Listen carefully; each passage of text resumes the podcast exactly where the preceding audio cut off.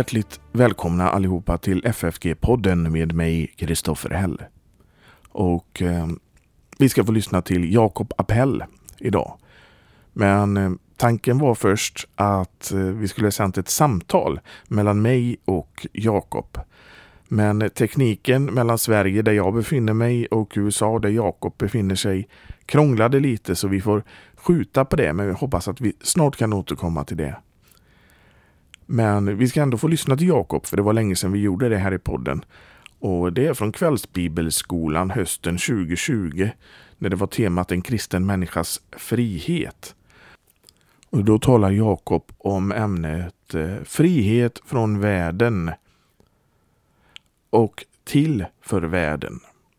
Men är det så att man vill ge ett bidrag till den här poddens och församlingsfakultetens arbete, gör det gärna på Swish. Numret är 123 100 8457 så märker man det med FFG Podcast eller FFG Gåva. Numret finns också i avsnittsbeskrivningen av detta avsnitt. Men nu Jakob Appell, Frihet från världen och till för världen. God lyssning!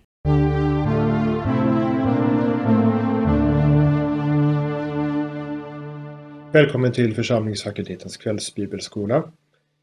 I våra föreläsningar under en tid har vi lyft fram en kristen människas frihet. Vi får i katekesen höra att Jesus har frälst oss ifrån syndens, dödens och djävulens våld. Vi är fria ifrån synden, döden, djävulen. I andra sammanhang kan vi tala också om de andliga fienderna såsom djävulen, världen och vårt eget kött.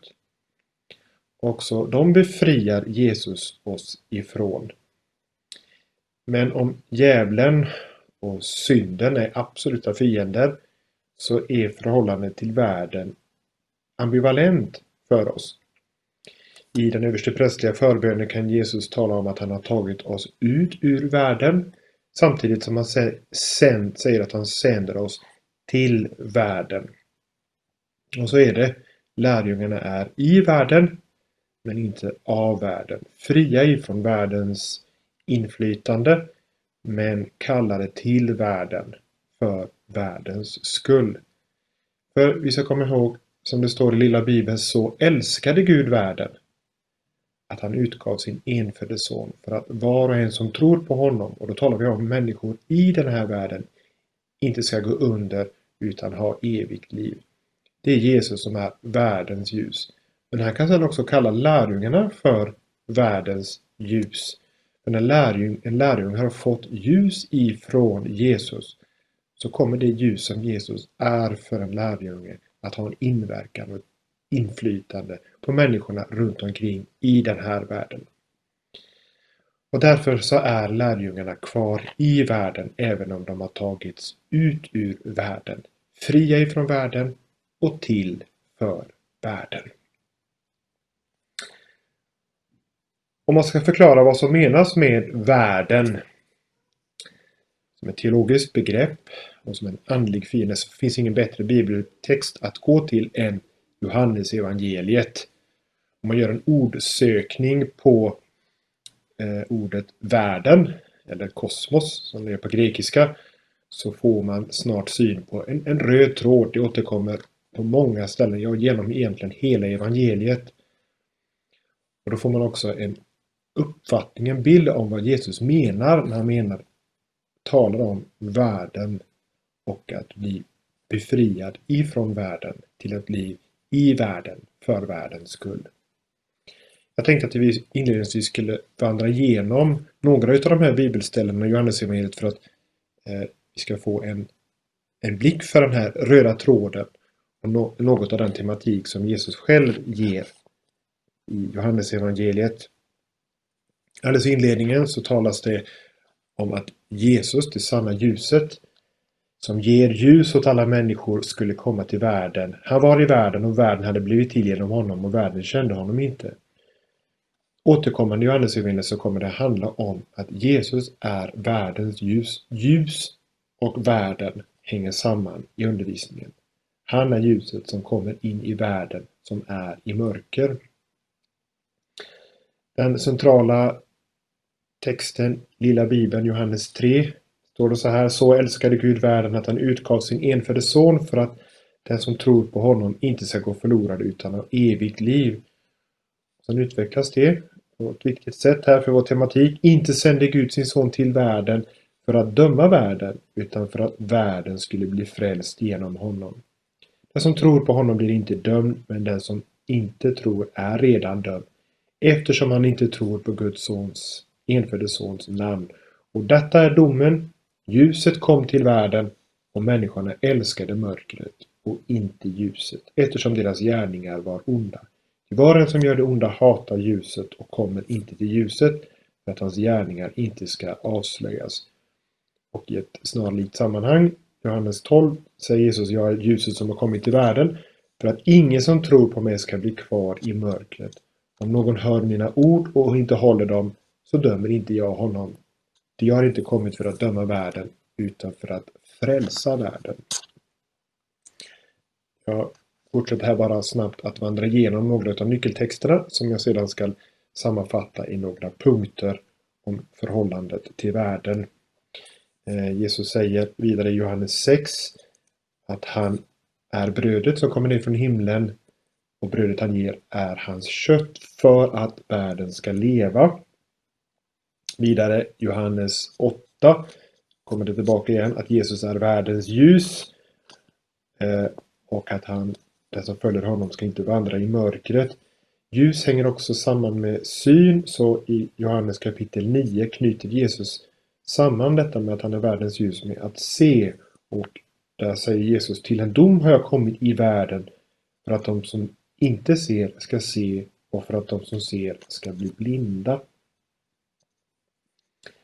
Eh, Jesus talar i Johannesevangeliet också mycket, eller flera gånger, om denna världens första djävulen. jag har slagit samman de tre ställena. Johannes 12, nu går en dom över världen, nu ska denna världens förste kastas ut. Vidare, det är inte mycket mer jag kommer att säga, ty denna världens förste kommer, mot mig förmår han ingenting. Och Johannes 16 talar Jesus om anden som ska överbevisa om dom, ty denna världens första är dömd. Eh, och i det sammanhanget kan vi säga något om anden också som Jesus talar om för världen och anden har med varandra att göra. Jesus säger och jag ska be Fadern att han ska ge er en annan hjälpare som alltid ska vara hos er, sanningens ande, som världen inte kan ta emot. Ty världen ser honom inte och känner honom inte. Ni känner honom eftersom han förblir hos er och ska vara i er. Och om anden säger Jesus också i kapitel 16. Och när hjälparen kommer ska han överbevisa världen om synd och rättfärdighet och dom. Vidare några olika ord om just lärjungarnas möte med världen som föder eh, motstånd, hat och ger olika typer av, av känslor hos lärjungarna. Johannes 14. Frid lämnar jag åt efter mig åt er. Min frid ger jag er, inte ger en sådan frid som världen ger. Låt inte era hjärtan oroas och var inte modlösa. Vidare. Om ni vore av världen skulle världen älska er som sina egna, men ni är inte av världen, utan jag har utvalt er och tagit er ut ur världen. Därför hatar världen er. Och vi talar också om glädje och sorg. Ni kommer att gråta och jämna er, jämra er, men världen ska glädja sig. Ni kommer att sörja, men er sorg ska vändas i glädje. Johannes 16. Detta har jag talat till er för att ni ska ha frid i mig. I världen får ni lida, men var vid gott mod, jag har övervunnit världen. Här vill jag också väva in Jesu ord till Pilatus i, i rättegången hos honom. Kapitel 18. Mitt rike är inte av den här världen. Om mitt rike vore av den här världen hade mina tjänare kämpat för att jag inte skulle bli överlämnad åt judarna. Men nu är mitt rike inte av den här världen. Pilatus sade, du är alltså en konung? Jesus svarade, du säger själv att jag är en konung. Ja, för att vittna om sanningen är jag född och därför har jag kommit till världen.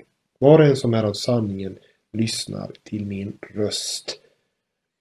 Och så till sist eh, den otroligt viktiga texten om Jesus, lärjungarna och världen i Jesu översteprästliga förbön i kapitel 17.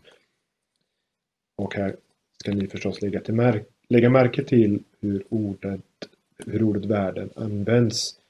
Jesus ber till Fadern, nu går jag till dig och detta säger jag medan jag är i världen för att deras hjärtan ska vara fyllda av min glädje. Jag har gett dem ditt ord och världen har hatat dem eftersom de inte är av världen, liksom inte heller jag är av världen. Jag ber inte att du ska ta dem ut ur världen utan att du ska bevara dem för det onda. De är inte av världen, liksom inte heller jag är av världen. Helga dem i sanningen, ditt ord är sanning. Liksom du har sänt mig till världen så har jag sänt dem till världen. Och jag helgar mig för dem, för att de ska vara helgade i sanningen. Men inte bara för dem ber jag, utan också för dem som genom deras ord kommer att tro på mig. Jag ber att de skall alla vara ett, och att så som du, Fader, är i mig och jag i dig, också de ska vara i oss, för att världen ska tro att du har sänt mig. Och den härlighet som du har gett mig har jag gett dem för att de ska vara ett, liksom vi är ett, jag i dem och du i mig, för att de ska vara fullkomligt förenade till ett.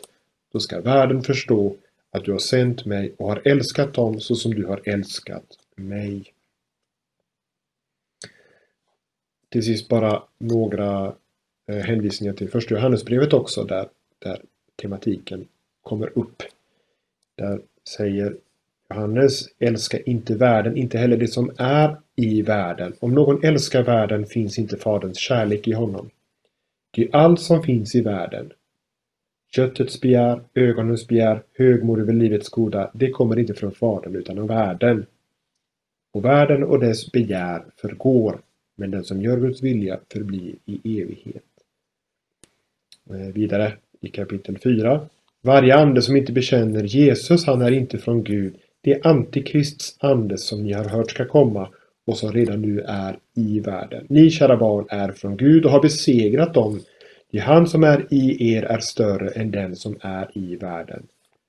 De är av världen och därför talar han vad som är av världen och världen lyssnar till dem. Det sista ordet som jag tar upp här. Ty allt som är fött av, av Gud besegrar världen och detta är den seger som har besegrat världen vår tro. Vem kan besegra världen utom den som tror att Jesus är Guds son? Det var en lång genomgång av bibelord, men jag vill utifrån dessa ord sammanfatta tematiken om världen, frihet från världen, att vara till för världen i följande punkter. Först, utan tvekan, märker vi här att den treenige guden, Fadern, Sonen och Anden älskar världen och har en välvillig inställning till världen. Det är också lika tydligt att världen å sin sida hatar Gud och har en fientlig inställning till det som är av Gud.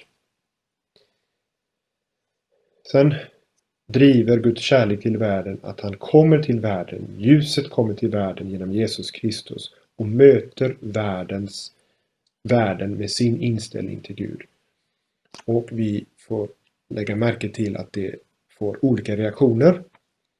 Eh, både att människor i världen dras till ljuset när det kommer och samtidigt väcker ett motstånd mot ljuset när det kommer. När Jesus, världens ljus, kallar och drar en människa så, så blir den en lärjunge som, som tas ut ur världen, helgas och blir ett med Gud. Samtidigt så blir denna lärjunge sänd till världen, avskild av Jesus själv, bevarad av hans ord till världen. Han är kvar i världen och han är det för världens skull, för att världen skall se Jesus världens ljus genom dem, deras ord och deras vittnesbörd. Och Jesus ber också för de som är kvar i världen, lärjungarna, att de ska vara ett för världens skull, för att världen ska kunna tro och förstå vem Jesus är. Låt mig fördjupa de här punkterna i det här föredraget. Och först om den treenige Gudens kärlek till världen, hans välvilliga inställning till kosmos. Om jag får sammanfatta några utav de saker vi tog upp i de här texterna vi läste så förstår vi att Gud älskar världen, så älskade Gud världen. Den har blivit till genom honom. Det är hans verk, världen. Jesus kom till världen som ett uttryck för Guds kärlek till världen. Och han kom inte för att döma världen utan för att frälsa den, läste vi. Han gav sitt liv för världen för att världen skulle leva, kunna leva. Han kom för att världen skulle ha ljus i sitt mörker. Och han kom för att kasta ut denna världens furste. Jesus i mötet med Pilatus sa att han var född till denna världen för att vittna om sanningen. Som om att denna världen behövde sanning. Eh, och också den helige Ande har kommit till världen. Ja, Jesus sänder Anden till denna världen. Han är sanningens ande för att vittna om sanningen och för att överbevisa världen om synd, dom, rättfärdighet och för att förhärliga Jesus för människor i den här världen. Jesus bad också Fadern helga lärjungarna i sanningen för att de skulle sändas till världen. För att världen på det viset skulle förstå sanningen, nämligen vem Gud är. Och att lärjungarna ber han också ska vara ett för att världen ska tro, som Jesus sa. Så att i allt detta märker vi uttryckligen Guds välvilliga inställning till världen, hans kärlek till världen, hans välvilja till världen som han har skapat.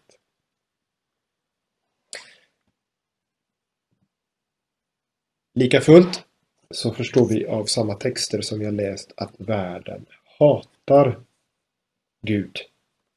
Har en förhatlig inställning till ljuset som kommer ifrån Gud. Världen hatar ljuset som kommer till dem därför att de älskar människorna i världen, älskar mörkret mer än ljuset. Och denna kärlek till mörkret är deras egen undergång. Jesus kom inte för att döma världen, läste vi några gånger, utan för att frälsa den. Och att han inte kommer för att döma den är för att den är dömd av sig själv. Den är fördömd i sin kärlek till mörkret, lögnen och det onda. Utan det Jesus och den helige Ande, ser vi också, gör är att rädda vad som räddas kan. Att handla, tala, verka för världen i sitt fördömda tillstånd. Att förkasta det ljuset, det är världens dom, död, död och undergång. Då finns inget mer att göra för denna världen.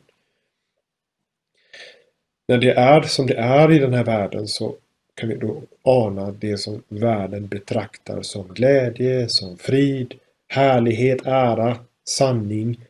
Det är illusioner, bländverk som måste genomskådas, avslöjas, förkastas för att det inte ska förföra och till slut förgöra. Vi kommer ihåg orden från Johannesbrevet. Allt som finns i världen, köttets begär, ögonens begär, högmod över livets goda, det kommer inte från Fadern utan från världen. Sammanfattningsvis, världens utgångspunkt är fiendskap mot Gud och det som världen lyfter fram, glorifierar, eh, det är bländverk, illusioner, falskspel som Gud och ljuset avslöjar i världen. Så vad händer när dessa två enheter möts? Guds kärlek till världen gestaltat, uppenbarat i Jesus Kristus, världens ljus. Och världen med dess hat och dess fientliga inställning mot Gud. Ja, det blir förstås eh, krock. Men strängt taget så möter egentligen två reaktioner. Om vi för ett ögonblick nu specificera lite grann vad vi menar med, med världen. Även om världen, ordet kosmos, har en vidare betydelse så kan vi för ett ögonblick få tänka på människor som enskilda individer. När Jesus, världens ljus, kommer till den här världen så är det människor som dras till ljuset och som lockas av ljuset. Andra, å andra sidan, hotas av ljuset och drivs till att vilja släcka ljuset. Och ännu mer ju närmare det kommer. Människor som dras och lockas av ljuset och kommer till ljuset blir påverkade av ljuset. De kommer att bli oundvikligt indragna i den här konflikten mellan ljuset och mörkret och själva bli offer för mörkret och människornas vilja att släcka och utplåna ljuset. Jag kommer aldrig att glömma den illustration som jag en gång fick höra i en predikan på ett ungdomsläger där ungdomarna sov i skolsalar. Och eh, så illustrerades det så här att med detta med ljuset och mörkret i världen att eh, när ungdomar ligger och sover i sina skolsalar och det har blivit morgon så kommer någon ledare och, och öppnar dörren och tänder ljuset i, i skolsalen.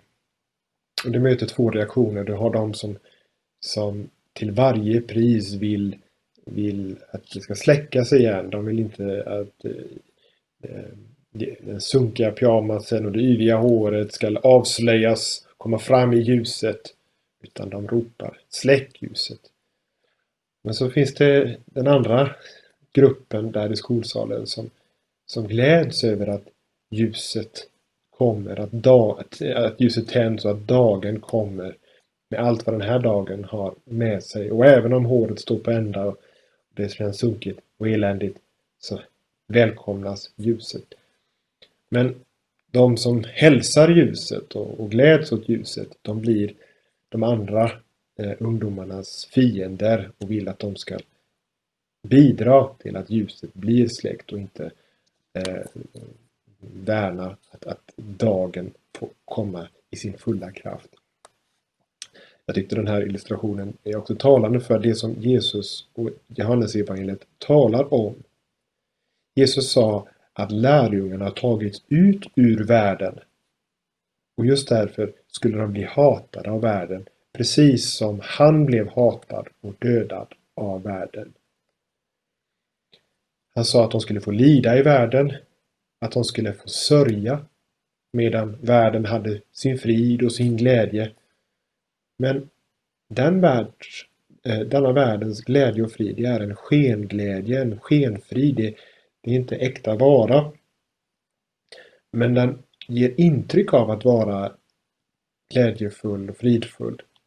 Och lärjungarna kommer att lockas och dras av denna skenglädje och skenfrid. Särskilt när de sörjer, eh, när de blir förföljda och hatade. Och det inte är så lätt. Men Jesus svar är att han ger en annan glädje. En djupare glädje. Han ger sin frid, inte en frid som världen ger, utan sin frid. Han ger den helige Ande själv, som världen inte känner och inte kan känna, inte kan begripa sig på att han skulle kunna vara något för dem. Men för lärjungarna så är den helige Ande hjälparen och tröstaren som förmår att ge glädje och frid även under tårar, hat och förföljelse. Och så blir eh, lärjungarna på det viset varse sin allierade i den här världen. Sin verkliga vän.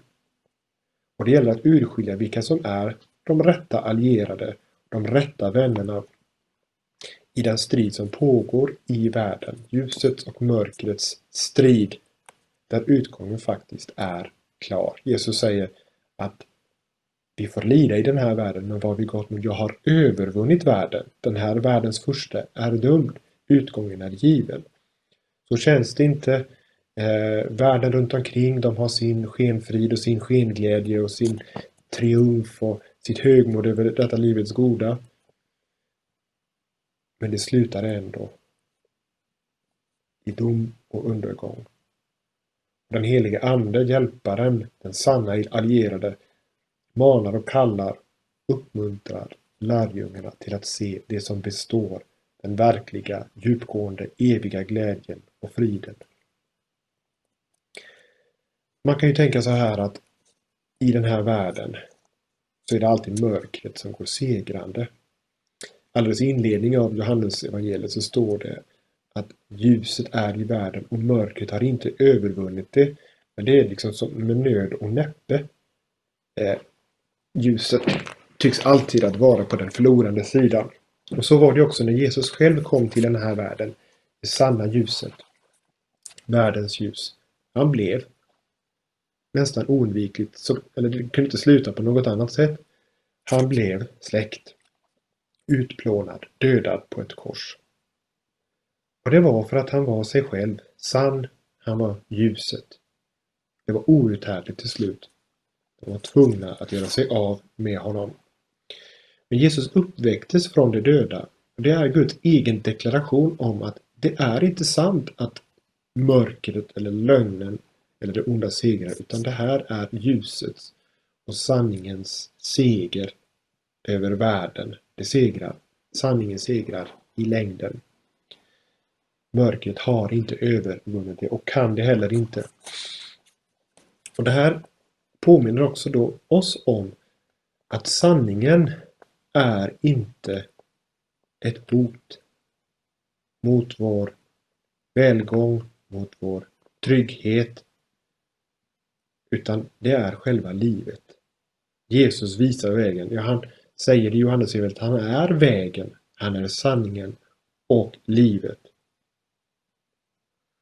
Och sen ska vi komma ihåg här, han kom inte för att döma världen.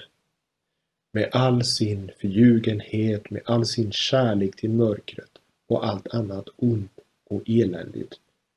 Utan han kom för att bära världens synd. Ta bort världen. Se Guds lam som tar bort världens synd. Läser vi Johannes evangeliet. Och han gör det för att var och en som ser ljuset också ska se att all hennes eller hans syn är väl omhändertagen. All förljugenhet, all kärlek till mörkret, all lögn, allt mörkt det är redan omhändertaget av honom. Han, Guds lam, som tar bort världens synd. Det är förunderligt att tänka på att avrättningen var av honom, han som är sanningen personifierad. Den var helt oundviklig i den här världen. Sådan är den här världens karaktär och inställning mot sanning och ljus. Men det var just genom hans död som allt mörker som en människa måste kännas vid. Själva kärleken till mörkret försonades och togs om hand.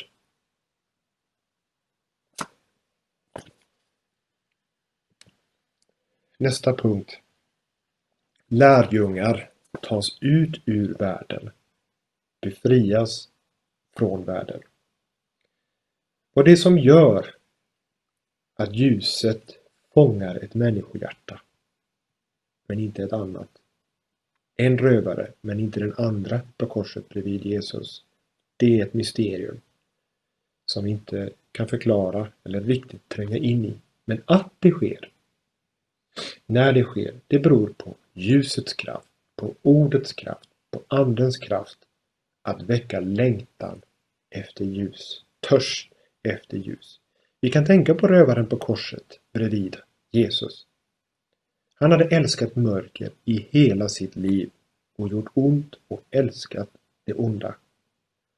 Men i elfte timmen av sitt liv leddes han till att älska ljuset mer än mörkret. Han var dödsdömd och fruktade för Guds dom som han insåg, nu kommer den, han ska dö. Och han började också tänka säkert på sitt liv. Detta är vad kärleken till mörkret och lögnen leder till. Det slutar inte väl, det slutar här. Han älskade inte längre mörkret. Han hatade det. Men då var det också som att ljuset kunde tränga igenom och få en ingång i hans hjärta. Ett litet ljus. Det enda han såg det var solförmörkelse, det var mörkt. så att han knappt skymtade vem som var korsfäst bredvid honom.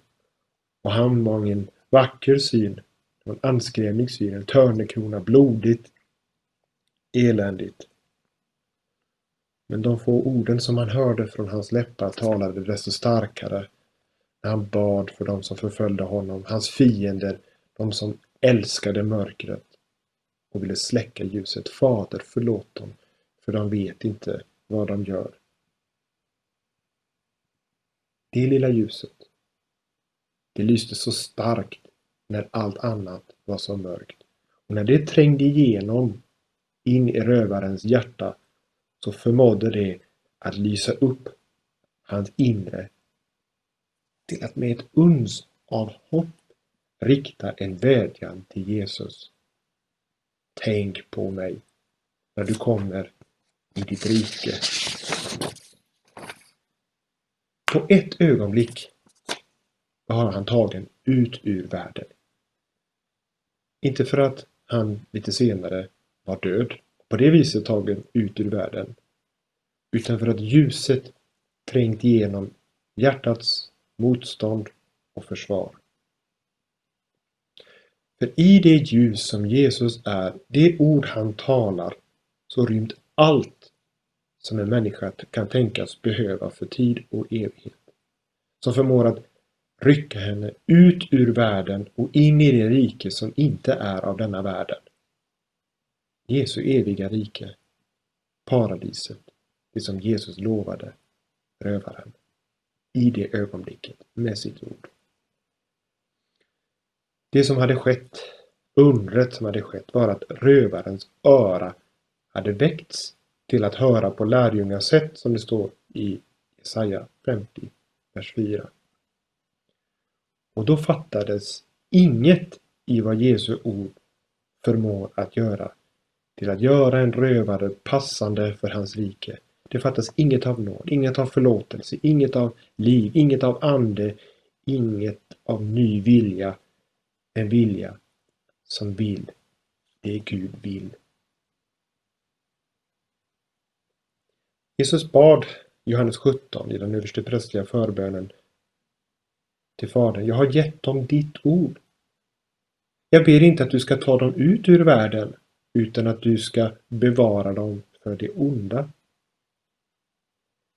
Jesus tar, lärjungar tas ut ur världen i det att de får öron till att höra Jesu röst. Syn till att se vem han är.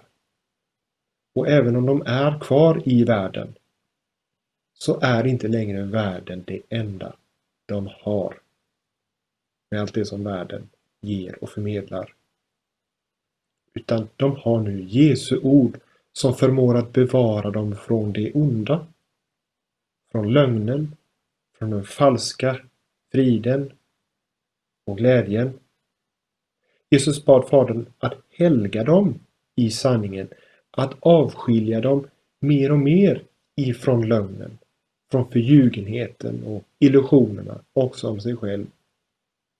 Där ordet, hans ord, är garanten för all sanning det som kan hjälpa en människa att urskilja det som är sant ifrån det som är lögn.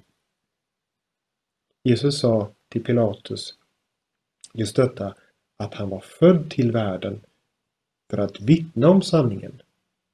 Som om denna världen behöver just det. Ett vittne om sanning. Och han la också till, och var och en som är av sanningen hör hans röst. Återigen, det här är ett mysterium vem som är av sanningen och vem som inte är det. Det kan vi inte svara på. Varför den ena och inte den andra? Varför rövaren men inte den andra rövaren? Men egentligen behöver man inte ställa den här frågan utifrån en specifik kristens synvinkel. Utan det här kan vi lägga märke till bland människor i världen. Varför märker inte människor att sanning undertrycks? Kan tänka på vårt eget land. Varför tillåts offentliga lögner? Varför finns det sanningar som inte får sägas? Varför säger inte människor att kejsaren är naken om alla ser det? Varför hyllas förljugenhet? Ja, det kanske inte vi kan svara på ens eh, som, eh, om det är ett mysterium för oss som kristna att fråga att, att, Eh, varför någon hör är av sanningen och inte en annan så är det ett mysterium också för människor i allmänhet. Men det kan också vara så här att den som drabbats av förljugenhet och som har genomskådat lögn, som inte trivs med att sanning undertrycks. Det här finns ju massor av exempel på genom historien, som är gamla eh, kommuniststater eller liknande regimer, som har märkt att undertryckt sanning är ett större hot än att för stunden ha det bekvämt och bara flyta med strömmen. Mer står på spel när sanning inte får vara sanning. Och den som har fått erfara det, upplevt det, har fått en kärlek till sanning. Och det här exemplet från, från världen i allmänhet och från människors erfarenheter kan få hjälpa oss att förstå något av Jesu ord. Den som är av sanningen hör min röst. Längst ut i en törst efter sanning finns han som en garant och som en rakt igenom sann och sannfärdig eh, människa i den här världen. Att Josef från Arimathea och Nikodemus så modigt tog hand om Jesu döda kropp efter, efter att han hade avrättats eh, på korset med stor risk för sina egna liv och sin eget rykte och säkerhet. Det var ett uttryck för att de hade genomskådat förljugenheten i den religiösa rådsförsamlingens beslut att döma Jesus till döden. De satt ju med där. Eh, och det står att Josef inte samtyckte till det. De såg förljugenheten och lögnen i maktens korridorer. Samtidigt som de lockades av det rena och sannfärdiga i Jesu ord. Han som kommit för att vittna för sanningen. För att sammanfatta. Lärjungar som tas ut ur världen är kvar i världen. Men utöver det som alla har i den här världen så har de Jesus, sanningen, hans ord, sanningens ande och den frid som världen inte kan ge. Den glädje som finns kvar även om världen hatar, dödar och ger sorg på sorg på grund av sin fientlighet mot sanningen och mot Gud. Det här är att vara fri från världen. Att inte till varje pris vara världens vän och flyta med strömmen för att behålla sin glädje och sin frid och sitt liv.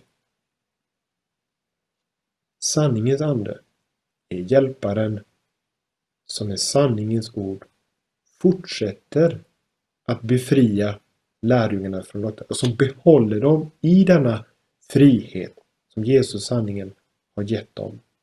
Och han upprätthåller trons många gånger flämtande låga. Att friden, glädjen, ljuset och hoppet finns hos Jesus alena.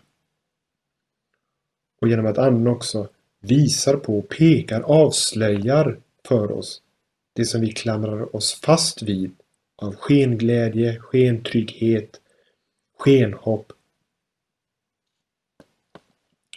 överbevisar om det. Som att detta inte är värt vårt klamrande, fastklamrande och vår hängivenhet. Han överbevisar om att det inte är det, värt det, för att behålla och leda blicken tillbaka och tillbaka till Jesus och Jesus alena. För att han så må behålla synen hos oss, synen med stort S. För att ett ögonblick eh, talar om Paulus, så skriver Paulus på ett ställe att vi sörjer inte som de som, har ett, som inte har något hopp. Det vill säga, vi sörjer, så är det också för lärjungar i den här världen. Men vi sörjer inte utan hopp. Vi sörjer, det finns så många skäl till sorg Inte bara på grund av människor som dör utan så mycket annat som dör och förstörs och bryts ner i vår värld. Men den här sorgen är inte det enda vi har. Jesus säger i världen får ni lida men var vid gott mod. Jag har övervunnit världen. I honom finns en dubbelhet som är de kristnas, lärjungarnas kall i den här världen. Det är en utmaning med dubbelhet, men det är vägen fram.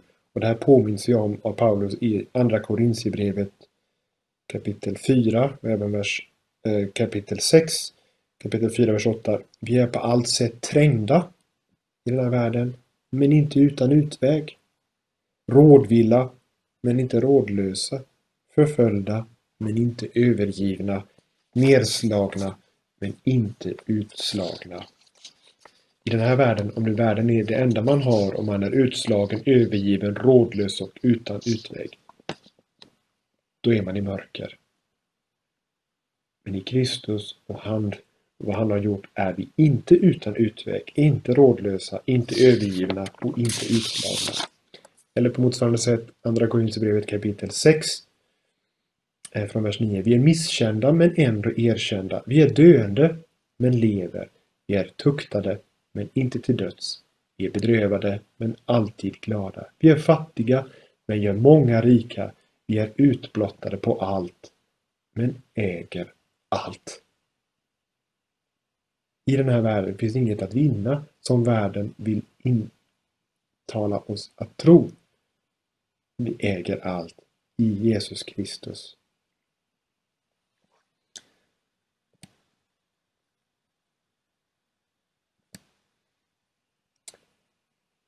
Lärjungarna är kvar i världen och är kvar i världen för världens skull.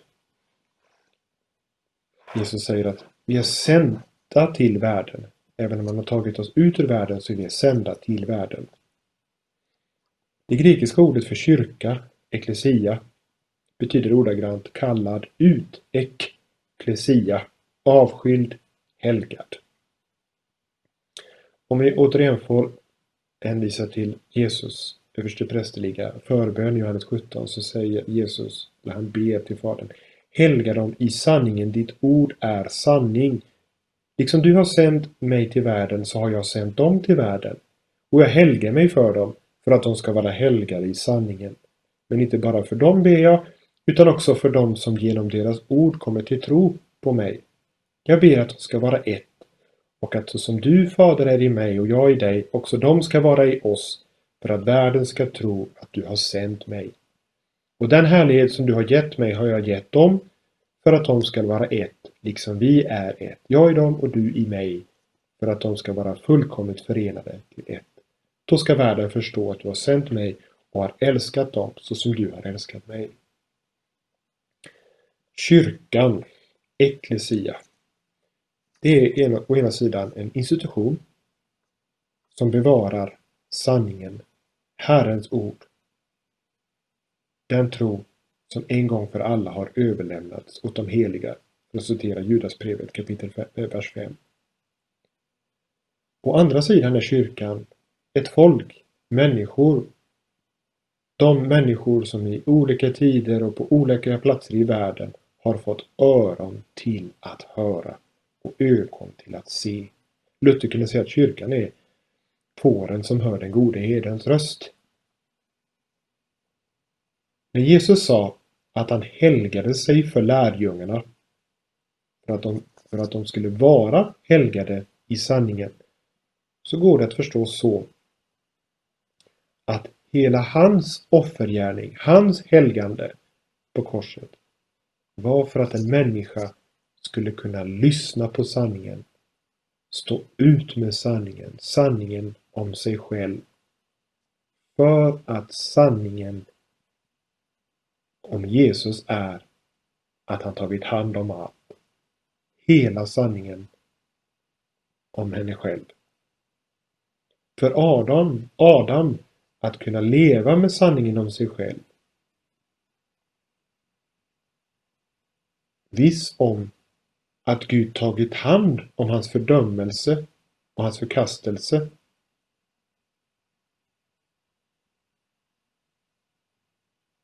eh, ledde också honom till att kunna älska sanningen även eh, när han ser dess motsats i sig själv och sitt kött. Alltså, om jag kanske får upprepa den meningen där att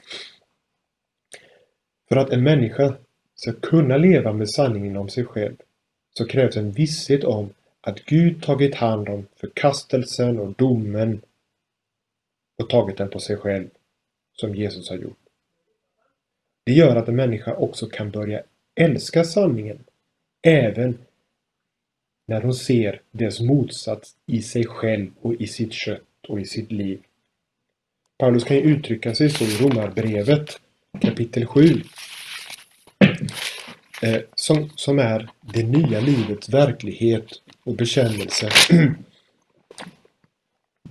Han säger i kapitel 7, vers 15, jag kan inte fatta att jag handlar som jag gör. Det jag vill, det gör jag inte. Men det jag hatar, det gör jag. Eh. Och han undrar till slut, jag arma människa, vem ska frälsa mig från denna dödens kropp? Jo, Gud vare tack, Jesus Kristus vår Herre. Och kapitel 8, vers 1. Så finns nu ingen fördömelse för dem som är i Kristus Jesus. Sanningen om honom själv. Jag gör inte det jag vill, det goda jag vill. Och det jag hatar, det gör jag. Det är den nakna sanningen. Som jag kan stå ut med därför att Kristus Jesus, Gud vare tack, har frälst mig ifrån denna dödens kropp med allt vad den rymmer och orsakar. Och i honom finns ingen fördömelse. Då kan jag också älska sanningen, det goda och hata det onda även om jag fortfarande ser det i mina lemmar och i mitt liv. Sanningen så viktig för en kyrka och för lärjungen. Och Jesus helgar sig, som han sa, för att vi, lärjungarna, ska vara helgade i sanningen. Veta vad Gud i Kristus har gjort med den mörka sanningen om oss för att vi ska kunna älska sanningen som kommer ifrån honom och finns i hans ord. Men i den här förbönen så märker vi att Jesus inte bara ber för oss, för kyrkan, om att helgas och bevaras i sanningen. Han ber också för dem som genom deras ord, våra ord, kommer till tro på honom. Och här är det djupaste skälet till att kyrkan är kvar i den här världen, utöver att vara ett medel för att bevara de som är i kyrkan. Nämligen att vara världens ljus för de som ännu inte tror. Hade det inte varit så att kyrkan skulle vara kvar i världen för världens skull så hade ju ingen av oss som lever i denna tid och i denna del av världen fått ljus till att se och öron till att höra herdens röst. Det är en omöjlighet för kyrkan att inte själv vilja vara ord och syn åt dem som är blinda och döva i den här världen. I själva verket är det vad Herrens ord i hans kyrka ger, nämligen syn till att se vad Gud ser när han ser på världen. Hans kärleksfulla, uppsökande blick för människor, likt den förlorade sonens fader som såg sonen medan han ännu var långt borta och började att springa mot honom när han såg honom. Det här blir ett tillägg egentligen på den dubbelhet som vi i den här världen kan få uppleva. Jesus har talat om att vi, vi har sorg, blir hatade, dödade och annat i den här världen. Vi kan tillägga med Paulus att vi är förföljda men inte övergivna och vi ber för dem som förföljer oss. Det är dubbelheten. Förföljda av världen, men vi ber för världen. Som Jesus själv och det här är en hög och en ädel uppgift för kyrkan i en värld som så många gånger kan vara så gudlös och så hädisk och så motbjudande att det gör ont i kroppen av att vara i den. Om man skulle önska att man fick vara hos Herren och fly denna världen. Men här har han satt oss att i hans efterföljd vara ljus och salt och bedja. Det var en koptisk präst som predikade på palmsöndagen dagen efter ett förfärligt terrordåd i två koptiska kyrkor i Egypten och människor hade samlats till gudstjänst. Och predikan handlade inte i första hand om att gråta med de som gråter, att försöka förstå Gud i denna terror, utan det handlade om att älska dem som gjort det förskräckliga. För han sa, vi känner kärlekens Gud. Det gör inte de. Så avslutar han sin predikan. Vi älskar dem och ber för dem att de ska lära känna kärlekens Gud. Ni är världens ljus, sa Jesus, eftersom ni själva tagit emot ljuset, Jesus, världens ljus, kärlekens Gud. Så älskade Gud världen att han utgav sin enfödde son, står det, och sände älskade söner och döttrar med denna kärlek till världen för att var och en som tror på honom och så vidare. Guds kärlek till världen ökar för varje människa som befrias från världen till att i Guds nåds ljus leva för världen och människorna som finns här. Till sist ett ord om att lärjungarna ska vara ett för att världen ska tro som Jesus sa. Och även detta att de ska vara fullkomligt förenade så att världen ska förstå. Att världen tror och ska tro. Det kan för det första inte kringgå allt det som vi hittills har sagt om världen. Världens sinne är fiendskap mot Gud.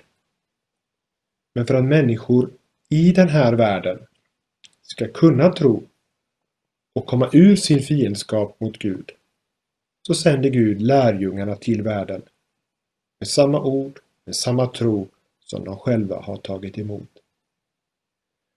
Och det är just denna samstämmighet i ord och i tro som ger världen ett entydigt vittnesbörd att tro på. Detta är Herrens ord och tro. För dig också blir den samstämmiga bekännelsen och förkunnelsen ifrån lärjungarna. Så Jesu förbön om enhet, om att vi ska vara ett, är en enhet kring honom själv och det som han har sagt för att världen ska förstå vad denna enda tro, detta ord, eh, består i. Men världen är inte betjänt av många olika läror, många olika Jesus. Men världen är heller inte egentligen betjänt av någon konstlad enhet som döljer oenighet under ytan. Kraften för världen till att tro ligger inte i mängden kristna, att många sluter sig samman, utan i entydigheten i det som kristna förmedlar. Sanningshalten i det som entydigt förmedlas. Och det är för världens skull. Ordet om Jesus och av Jesus som har kraft att föda tro i en människa i den här världen. Men det ord har också ett innehåll som drar människor till sig och som samlar människor ifrån denna världen och tar dem ut ur världen. Och det ordet hänger samman med det som Jesus sa, nämligen att världen ska förstå att Fadern har älskat dem så som du har älskat mig. Det är svårt för världen att tro om lärjungar bråkar, hatar varandra och inte älskar som Fadern har älskat. Det är svårt för världen att tro, inte bara på grund av oenighet i läran eller vad Jesu ord ska, hur det ska förstås. Utan det är också svårt att tro på grund av det sinnelag bland lärjungar som präglas av högmod, stolthet och oförsonlighet. Och då är det som att själva bilden av kristen tro förvrängs. Eftersom centrum i denna tro och i detta ord är Kristi självutgivande kärlek på korset till försoning för våra synder. Världen förstår denna tro och kan förstå denna tro när de möter lärjungar som lever av Kristi försoning som om de behövde den också i förhållande till andra och varandra. Som förlåter andra och varandra så som Kristus förlåter oss var och en och måste förlåta varje dag. Det upphör aldrig att vara vårt behov, ja vår nödvändighet. Och tvättar varandras fötter så som han först tvättar och måste tvätta varje dag. Och ber för fienden så som Jesus ber för sina och fortsätter att be så som han bad för sin lärjunge, ja sin lärjunge Petrus alldeles innan det att han skulle säga Jag känner dig inte. Bön om enhet är att lärjungar blir allt mer avhängiga, beroende av denna verklighet och allt mer förblir i Jesus, i hans kärlek, i hans förbön, hans nåd. Utan honom, utan allt detta, kan ni inget göra. Det blir fruktlöst. Men med honom och allt det som han är och ger blir det inte utan frukt. Varken i förhållande varken i förhållande till bröderna och brödrakärleken eller i förhållande till världen som ska förstå vad kristen tro är för att själva dras till den. Och må det ske att vi är världens ljus så som han har kallat oss till att vara det. Det var Jakob Appell och det var temat En kristen människas frihet från Bibel, eh, Kvällsbibelskolan hösten 2020. Och eh, frihet från världen och till för världen talade han om. Och är det så att man vill ge ett bidrag till församlingsfakultetens och den här poddens arbete, gör det gärna på Swish. Numret är 123 100 8457. Det finns också i avsnittsbeskrivningen på vår hemsida ffg.se. Och vi hörs igen nästa vecka. Hej då!